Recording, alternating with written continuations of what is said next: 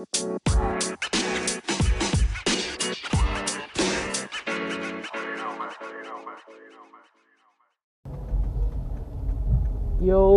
selamat pagi, selamat siang, selamat sore, selamat malam Hoppers.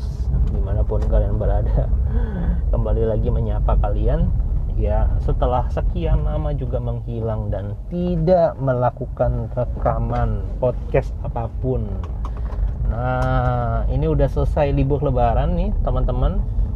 Banyak banget cerita yang mau dicurhatin ya. Jadi banyak konten banyak bahan yang mau dibuat podcast. Uh, gimana kabar teman-teman hoppers?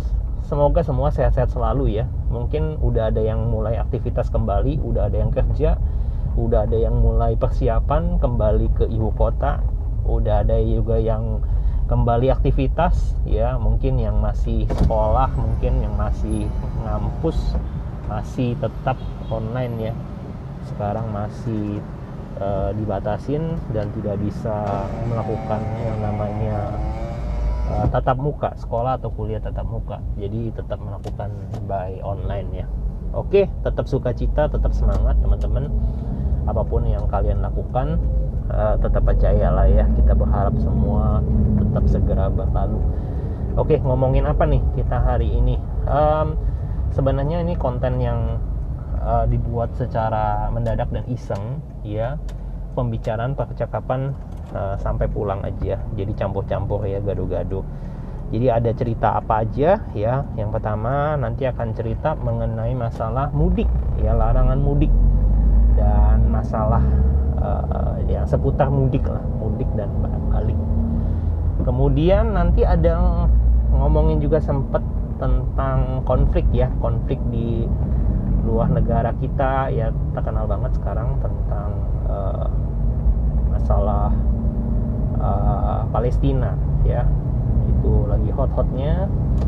Kemudian yang ketiga tentang uh, vaksin yang keempat nanti kita bicara tentang uh, ya uh, meninggalnya seorang tokoh kemanusiaan yang bernama Bapak Biegaldo Naga ya itu ya. Uh, jadi kita akan membahas seputar-seputar itu aja. Jadi ada beberapa hal yang uh, nggak secara spesifik cuman kita bahas aja dan menyinggung. Yang pertama kita langsung masuk ke dalam topiknya aja in topik yaitu tentang larangan mudik dan larangan balik ya. Seperti kita ketahuin uh, untuk masalah COVID ini, pemerintah mengupayakan berbagai macam cara untuk uh, terutama mengurangi ya dampak penularan maupun paparan virus COVID, di mana kebetulan juga bentrok pada saat uh, perayaan momen Idul Fitri, ya banyak sekali uh, disinyalir akan orang-orang uh, melakukan yang namanya mudik Lebaran ke kampung halaman dan sebagainya. Akhirnya pemerintah kita memutuskan untuk melakukan pembatasan ya baik baik uh, melalui jalur transportasi udara, darat ataupun laut itu semua mode-mode transportasinya itu dilakukan yang namanya uh, lockdown ya. Dari tanggal berapa? Dari tanggal tepatnya tanggal 6 sampai 17 Mei 2021 kemarin. Ya jadi uh, ini adalah sebuah kebijakan yang diambil oleh pemerintah uh, mengingat bahwa COVID-19 masih ada dan paparan itu harus dicegah gitu. Caranya gimana? Mengurangi mobilitas tentunya perpindahan penduduk dari kota ke kampung ke desa ataupun sebaliknya. Gitu. Niatnya baik ya. Saya apresiasi niatnya baik. Hanya saja penerapannya yang sulit ya. Kenapa? Karena saya tahu eh, lagi-lagi orang itu akan banyak ngeyelnya akan banyak uh, alasannya akan banyak berdalihnya kita tahu lah orang Indonesia itu citizens of uh, plus 62 itu emang agak-agak kreatif ya untuk hal-hal yang menyangkut yang namanya uh, mudik. Ya mulai dari sebuah kebiasaan sebuah uh, sebuah apa? Sebuah cara untuk bertemu dengan kerabat keluarga di kampung berjumpa dengan ayah dan ibu orang tua ya. Banyak banget deh ya yang akan menjadi alasannya. Saya juga nauin banget kesulitan dari pihak uh, pemerintah. Tapi kita lihat bahwa uh, dari berita yang kita baca hoppers juga bisa melihat bahwa uh, walaupun diberlakukan seperti apa pun tetap saja gitu ada yang mudik tetap saja ada yang bandel tetap saja ada yang lolos gitu ya. Dan kita mesti uh, ya nggak bisa tahu ya nggak bisa ngomong apa-apa gitu ya. Ya bukan bukan segalanya sih sebenarnya. Ya saya punya teman dia juga informasiin temennya juga tetap nekat mudik ke daerah Wonogiri dan di perjalanan terpapar dan harus dirawat di rumah sakit dia istri dan kedua anaknya dan akhirnya meninggal dunia juga gitu. Jadi bahaya sih guys COVID-19 nya ini agak-agak serem ya karena ada banyak mutasi-mutasi yang masuk informasinya dari negara lain gitu. Ya jadi memang harus hati-hati guys. Nah hoppers jadi setelah disekat setelah diberlakukan itu kemudian pemerintah e, mengumumkan. Dan apa yang terjadi? E, ternyata orang itu mulai melakukan tindakan yang namanya mudik sebelum waktunya gitu. Sebelum tanggal 6 mereka udah mudik duluan dengan alasan apa? Supaya mereka tidak di lockdown mereka bisa menikmati kampung halaman mereka. Jadi e, menurut saya tetap banyak yang mudik walaupun dibatasin gitu. Itu satu. Yang kedua uh, yang menjadi penyesalan itu adalah justru tempat-tempat wisata. Setelah lebaran kita tahu H1 H plus 1 itu H plus 1 dan H plus 2 banyak sekali tempat wisata yang dibuka. Teman-teman bisa melihat di berbagai media liputan itu sangat mencengangkan dan sangat memprihatinkan menurut saya. Ya kenapa? Karena masyarakat kita itu seakan-akan tidak peduli dan tidak uh, tidak apa ya tidak tidak merasa bahwa covid itu berbahaya. Ya bahkan menurut saya nih menurut saya uh, penduduk Indonesia itu seperti seperti layaknya penduduk India yang terlalu euforia merayakan kebenangan mereka merasakan bahwa covid sudah tidak ada mereka sudah aman dan sebagainya. Dan sehabis itu kita melihat apa yang terjadi di negara India ya. Uh, di mana lonjakan orang yang terkena covid itu ratusan ribu per hari. Ya bahkan rumah sakit itu sampai kekurangan yang namanya oksigen. Pasokan oksigen itu sampai hilang. Ya itu yang uh, beberapa hal yang dikhawatirkan ya karena kita lihat di Jakarta sendiri um, orang memenuhi dan memadati yang namanya pantai Ancol, kemudian kawasan kawasan uh, kebun binatang Ragunan, Taman Mini, ya. Jadi tempat-tempat yang tiga tiga tempat itu menjadi tiga tempat destinasi wisata Lebaran teman-teman hoppers. Dan lagi juga teman-teman saya banyak juga memposting eh, nggak uh, kalah kagetnya ya di daerah Pangandaraan, daerah daerah Boyolali dan lain sebagainya. Banyak sekali di di di daerah-daerah mereka juga seperti itu ternyata itu. Ramai sekali. Which is menurut saya ini memprihatinkan teman-teman hoppers ya. Jadi kita tahu bahwa semakin banyak kita berkumpul semakin besar potensi uh, orang tuh terjangkit yang namanya virus covid ini. Jadi ya sangat disayangkan dan sangat disesalkan ya. Tapi apa boleh buat?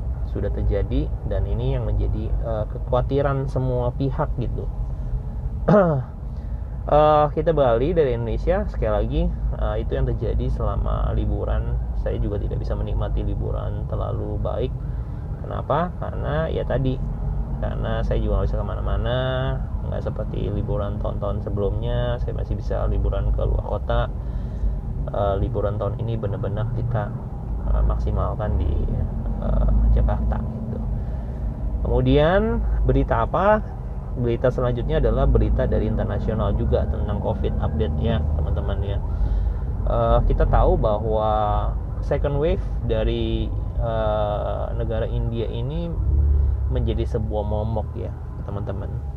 Ya COVID-19 ini masuk ke dalam uh, sebuah yang namanya uh, ekstra perhatian banget ya. Karena karena mereka itu sorry bentar ya ini ada ambulance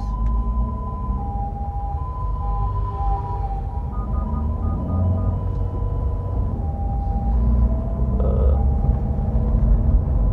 oke okay. kita sudah kasih lewat ambulans lewat sorry uh, sedikit kepotong uh, kembali lagi tadi sampai ke mana uh, tentang negara ya tentang covid masih tentang covid. Ya uh, negara India ini memasuki uh, fase yang sangat serius, yang sangat uh, sangat sangat mengkhawatirkan dan cilakanya banyak orang-orang India itu keluar teman-teman.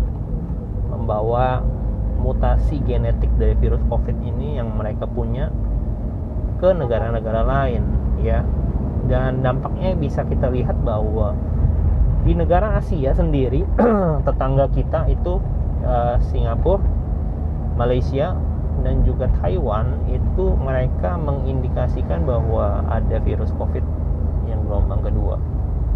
Ya. Bahkan Taiwan itu mencatat 130 orang terindikasi COVID dan langsung mereka melockdown kotanya. Uh, demikian pula Singapura ya mereka melockdown kotanya selama satu bulan. Malaysia juga. Ini terjadi pada saat lebaran teman-teman. Kalau nggak salah 14 atau 15 Mei. Jadi ini sangat sangat sangat memprihatinkan juga sih. Hari Kamis atau hari Jumat saya dapat kabar. Jadi uh, mereka melockdown uh, negara mereka selama satu bulan kurang lebih. Ya dan ini menjadi sebuah alert sebenarnya red alert bahwa second wave dari virus covid ini sudah sudah menjadi satu peringatan dini gitu supaya orang-orang di Asia itu was-was terhadap second wave. Ya gelombang kedua itu biasanya lebih parah. Jadi harus mereka berhati-hati. Ya yang saya salut dari tiga negara ini adalah mereka mendeteksi baru baru kayak Singapura baru tiga kasus. Uh, Taiwan kecolongan ada 130 kasus yang meningkat nah hari berikutnya langsung 300 kasus. Itu mereka langsung melakukan yang namanya pemerintah itu mereka langsung melockdown satu city gitu. Ya jadi sebuah tindakan antisipatif yang yang sangat luar biasa dikeluarkan. Memang great cost tapi mereka melihat future-nya gitu. lebih baik rugi di awal tapi ke depannya untung gitu. Ketimbang kita membiarkan. Uh, ini sebuah perbedaan yang mencolok ya teman-teman ya. Buat teman-teman hoppers mungkin juga setuju tidak setuju melihat bahwa mereka tuh bergerak cepat ya uh, bahkan kalau mereka menemukan orang di Singapura itu saya baca kalau mereka menemukan uh, orang itu melanggar apa yang menjadi uh, ketentuan mereka mereka kenakan denda. Dendanya nggak main-main ya 1000 dolar lebih gitu. Ya di Taiwan juga saya membaca seperti itu. Jadi saya bilang nih ya benar-benar hebat ya kalau mereka bisa menjalankan seperti itu. Uh, menandakan satu hal sih keseriusan uh, pemerintah mereka untuk menjamin keselamatan. Ya jadi uh, safety above everything ya safety above, uh, above everything. Uh, keamanan keselamatan itu di atas segala-galanya. Ya itu uh, berita tentang covid. Kemudian berita tentang vaksin ya. Kita lanjut yang ada hubungannya sebelum kita bahas topik-topik yang lain. Vaksin ya. Vaksin sendiri Indonesia informasinya sudah mengimpor beberapa vaksin ya ada AstraZeneca dan juga dari Sinovac dari China kembali. Dan ya ini sebuah hal yang positif ya karena saya dengar memang waktu itu uh, vaksin yang kita pesan yang kita order dari India ya AstraZeneca pun juga AZ itu sempat terpending sebelum lebaran kenapa karena second wave yang tadi yang saya ceritain mau nggak mau Indonesia mengalihkan uh, beberapa vaksin tambahan dari Sinovac dari China. Nah, tapi ada sebuah hal yang menarik bahwa kita mendengar di tengah-tengah uh, berita ada isu bahwa vaksin AstraZeneca itu menyebabkan kematian. Kalau nggak salah ada sampai saya bagi podcast ini ada dua orang, saya lupa. Yang satu Eh, katanya tidak ada penyakit bawaan apa pun masih muda yang satu lagi sudah agak tua tapi uh, ada penyakit bawaan. Informasinya mereka mengatakan seperti itu. Meninggal karena vaksin. Ya tapi sekali lagi uh, kalau kita lihat uh, vaksin ini kan melewati uji klinis ya sudah dicoba sampel beberapa orang. Ya seharusnya menurut saya vaksin itu sebenarnya yang dikeluarkan itu adalah aman. Ya aman untuk diproduksi secara massal. Kenapa? Karena mereka e, secara kedokteran itu apalagi di luar negeri ya mereka nggak mungkin yang namanya pakai asal-asalan gitu ya metode asal-asalan apalagi menyangkut keselamatan dan yang yang namanya jiwa manusia gitu jadi menurut saya, hemat saya, ada orang mengatakan bahwa ah, saya takut lah divaksin gara-gara kasus ini. Kasus itu berapa persen? Ya, apakah juga bisa dipastikan bahwa memang shot itu menimbulkan kematian? Saya pikir dari semua penduduk di dunia yang dikumpulkan sampling yang yang yang di shot oleh uh, AstraZeneca ataupun merek-merek lain lah ya. Kita nggak menyebutkan satu brand merek. Apakah semuanya juga uh, ada meninggal? Menurut saya prosentasenya kecil ada mungkin tapi kecil. Dan kalaupun kita menilik orang yang meninggal itu juga bukan karena semata-mata karena uh, vaksin gitu. Ada pencetusnya juga yaitu penyakit. Biasanya penyakit bawaan jantung penyakit penyakit diabetes komorbid kita ngomongin ya penyakit bawaan. Nah jadi bisa disimpulkan teman-teman buat teman-teman hoppers juga mungkin yang dengar ada yang belum divaksin mungkin ya. Saya mau katakan bahwa saya pernah bagiin ya bahwa saya pernah sudah divaksin tanggal Maret 13 dan 27 Maret vaksin yang kedua. Dan saya merasa bahwa vaksin itu adalah salah satu cara untuk kita uh, apa melawan COVID-19 virus ini gitu. Ya kenapa? Karena menurut saya dengan kita divaksin harapannya adalah kita semua uh, rakyat Indonesia itu mencapai sebuah yang namanya herd immunity kekebalan secara kelompok secara bersama-sama jadi kalau misalnya kita semua punya kekebalan yang sama untuk dalam rentang waktu yang sama saya percaya virus itu uh, gugur sendirinya gitu. yang perlu kita inginkan adalah kan kita naikkan imun tubuhnya gitu. Dengan apa? Dengan imunisasi dengan dengan vaksinasi gitu. Jadi menurut saya alangkah baiknya dipertimbangkan ya buat teman-teman yang punya skep skep uh, apa skeptis ya yang punya pemikiran negatif lebih baik coba di browsing dulu aja.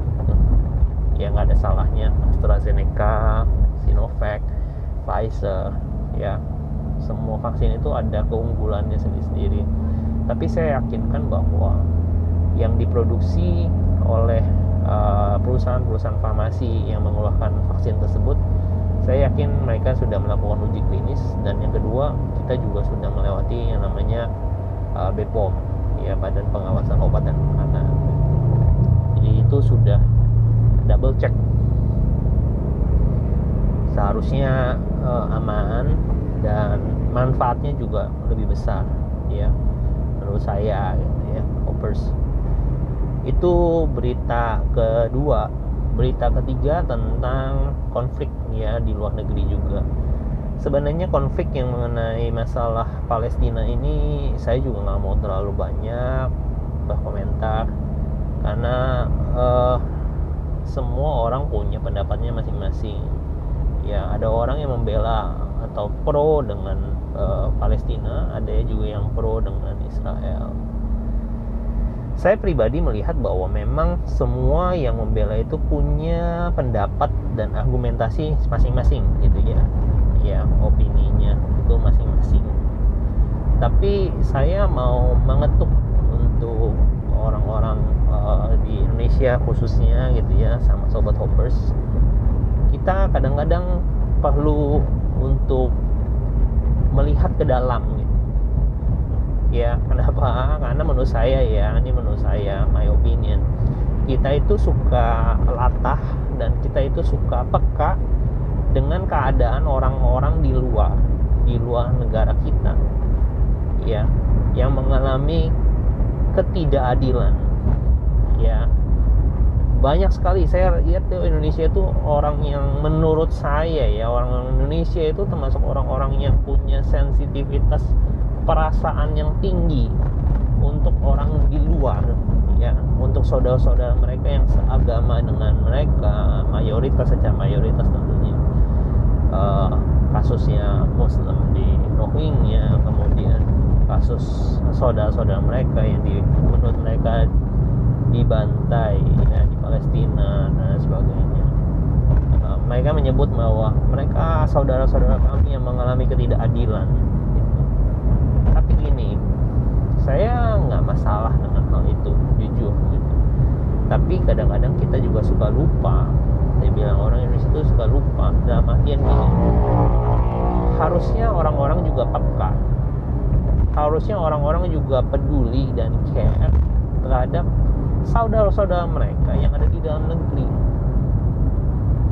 ya di luar negeri diperhatiin di luar negeri ditolong tapi yang di dalam negeri kadang-kadang mereka tutup mata tutup kuping. Ya tidak ada empati sama sekali itu kita banyak sekali melihat ketidakadilan di negeri kita sendiri. Ya menurut saya loh ya. Jadi um, saya tidak melarang siapa pun mendukung asalkan yang menurut saya yang yang saya agak keberatan adalah dengan membawa agama. Ya menurut saya konflik uh, Palestina dengan Israel itu konflik yang sudah panjang panjang. Dan saya pikir mereka juga menandatangani yang namanya uh, traktat ya fakta-fakta yang namanya perdamaian syarat-syarat yang diajukan itu sudah ada ya, ya saya percaya ini tidak bicara tentang agama. Saya lebih melihat bicara tentang kemanusiaan kemanusiaan. Maksudnya apa? Humanity. Ya saya pun juga merasa bahwa uh, kalau kita berdebat siapa benar siapa salah menurut saya semua pihak ada benarnya semua pihak juga ada salahnya. Jadi kita tidak berdebat di soal benar atau salahnya tapi kita kita mau sama-sama rindu ya supaya mereka pihak yang bertikai itu segera bisa menemukan jalan untuk berdamai.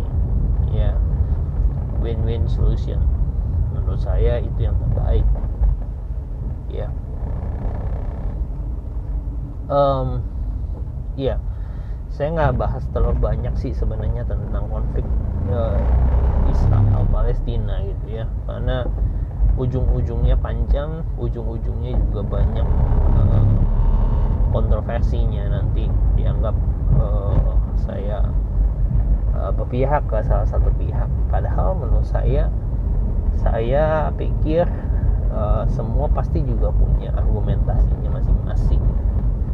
Ya jadi uh, dari saya sih seperti itu. Sebelum kita menentukan untuk empati yang terlalu berlebihan. Mari kita lihat juga saudara-saudara kita yang susah di dekat-dekat kita. Itu yang harus kita tolong harusnya. Mengalami ketidakadilan. Ini yang yang menjadi PR juga sih buat pemerintah dan bangsa kita gitu ya. Saya berharap memang sebenarnya ketidakadilan itu juga kita bisa berantas di dalam negeri. Ya bukan banyak juga ketidakadilan yang terjadi di bumi Indonesia gitu tapi kenapa mereka nggak blow up seperti itu? Itu saudaranya mereka sendiri loh sama juga kan? Apakah kalau saudara kandung mereka di Indonesia mengalami hal itu biasa tapi saudara yang di luar luar biasa? Enggak toh menurut saya ya. Jadi itu aja teman-teman. Uh, cerita apa lagi? Oh iya terakhir um, ya ada seorang tokoh kemanusiaan yang namanya Bapak Biagaldo Sinaga ya saya nggak terlalu tahu jelas biografinya beliau tapi saya pernah melihat aktivitas beliau itu pada saat Bapak mantan Bapak Gubernur DKI Jakarta Bapak Basuki Cahayapurnama yang terkena kasus penistaan agama tahun 2017 ya kalau nggak salah kalau beliau adalah yang memimpin barisan yang berorasi membela Bapak Ahok ya atau Bapak Basuki BTP lah ya kita ngomong gitu singkat uh, saya tahu itu aja sepak terjangnya. Kemudian dia banyak juga memposting hal-hal yang memang membela kemanusiaan ya tentang orang yang uh, anak-anak yang terbakar ya badannya dan lain sebagainya. Uh, saya mengucapkan turut berduka cita untuk Bapak uh, Begaldo uh, untuk keluarga Bapak Begaldo Sinaga. Saya percaya uh, kita kehilangan seorang tokoh yang luar biasa dan kiranya Tuhan juga memberikan kalian kekuatan dan penghiburan. Dan percayalah berharga kematian orang yang dikasihinya um, yang menariknya adalah dari kematian uh, kematian Bapak Biagaldo ini yang dikarenakan COVID ya diindikasikan karena COVID. Karena seminggu sebelum uh, beliau itu meninggal beliau menuliskan pesan juga gitu untuk didoakan. Uh, menariknya Bapak Biagaldo ini memang uh, tergolong orang yang cukup vokal ya vokal dalam menyuarakan suara-suara hatinya menyuarakan empatinya ya untuk uh, negara ini gitu bangsa dan negara kita. Banyak sekali kasus-kasus yang menurut saya kasus-kasus yang uh, kemanusiaan ya. Melatar belakangnya oh agama ini saya bantu bukan agama ini saya nggak bantu. Enggak gitu. Beliau tanpa pandang hal-hal seperti itu siapa pun yang mengalami uh, ketidakadilan yang haknya perlu dibela dia menjadi orang yang pertama nomor satu berdiri dan saya cukup angkat topi dengan hal itu yang menariknya bukan hanya itu ya pribadinya yang uh, yang suka menolong orang suka menyuarakan ya dengan vokal lantang gitu ya tentang uh, ketidakadilan tentang hak-hak kemanusiaan seseorang gitu. Yang saya juga salut dari beliau adalah uh, di saat beliau meninggal ternyata banyak sekali orang yang care dengan dia. Ya. Uh, Bapak Biagaldo ini mempunyai seorang istri dan seorang anak yang usianya kurang lebih 8 tahun yang saya baca di web ya. Uh, ketika dia meninggal sebuah hal yang luar biasa waktu itu adalah teman-temannya itu membuka open donasi teman-teman. Ya sampai miliaran. Ya 1,5 sampai yang terakhir. Ada yang gue kumpul 600 ribu. Eh 600 bukan 600 ribu sorry maaf.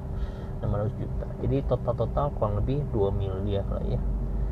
Ada juga yang bersedia untuk menjamin uh, pendidikan putri beliau sampai dengan jenjang sarjana jadi kita melihat gini loh jadi ada satu hal yang menarik dari kehidupan Bapak Bevaldo ini. Walaupun saya belum pernah bercakap-cakap ya beliau mungkin staynya di Riau ya nggak pernah lihat juga secara muka ketemu muka secara personnya seperti apa belum. Tapi uh, hangatnya uh, apa yang dikerjakannya buah dari apa yang dikerjakannya menurut saya dia banyak sekali membantu banyak orang ya. Saya sempat juga ingat bahwa dia tuh sempat ikut ke dalam uh, apa ya menjadi aktivis politik gitu ya. Saya lupa dia masuk ke partai apa tapi saya ingat dia itu pernah mencalonkan untuk uh, DPR atau DPRD gitu. Anggota DPR dan DPRD di politik lah. saya orang yang uh, suka gerakan-gerakan muda gerakan-gerakan orang muda ya yang memang baru fresh gitu ya punya ideologi-ideologi yang idealis. Dan saya cukup mendukung beliau. Um, singkat cerita gitu ya apa yang dikerjakan itu pada saat dia meninggal yang menjadi sebuah concern dan menjadi sebuah hal yang luar biasa adalah uh, ternyata taburan Bapak Birgaldo ini ternyata uh, menuai hal yang luar biasa pada saat dia meninggal. Bukan hanya orang itu begitu banyak orang yang sayang sama dia dan keluarganya tapi memperhatikan masa depan keluarga yang ditinggalkan. Jadi menurut saya ini ada sebuah uh, suri toladan ya buat teman-teman hoppers. Buat saya pribadi juga ya melihat bahwa apa yang dikerjakan itu sampai orang itu sayang sama beliau sampai uh, sampai uh, ya memperhatikan ya kelangsungan hidup keluarganya gitu. Uh, ya selain Bapak Biegaldo itu memang sebelumnya itu seminggu sebelumnya atau dua minggu sebelumnya itu juga ada seorang uh, hamba Tuhan juga Pastor Raditya Poluan juga sama ya. Case nya sama hampir sama serupa dengan Bapak Biegaldo cuman Pastor Aditya Oluan itu uh, meninggal karena uh, setelah dia juga terpapar virus COVID dia terkena badai sitokin ya. Itu ya, sitokin storm. Nah, mengalami inflamasi uh, gagal ginjal dan lain sebagainya. Dan akhirnya meninggal juga. Meninggalkan juga keluarganya. Dia punya istri satu dan anaknya empat. Itu juga sama kurang lebih.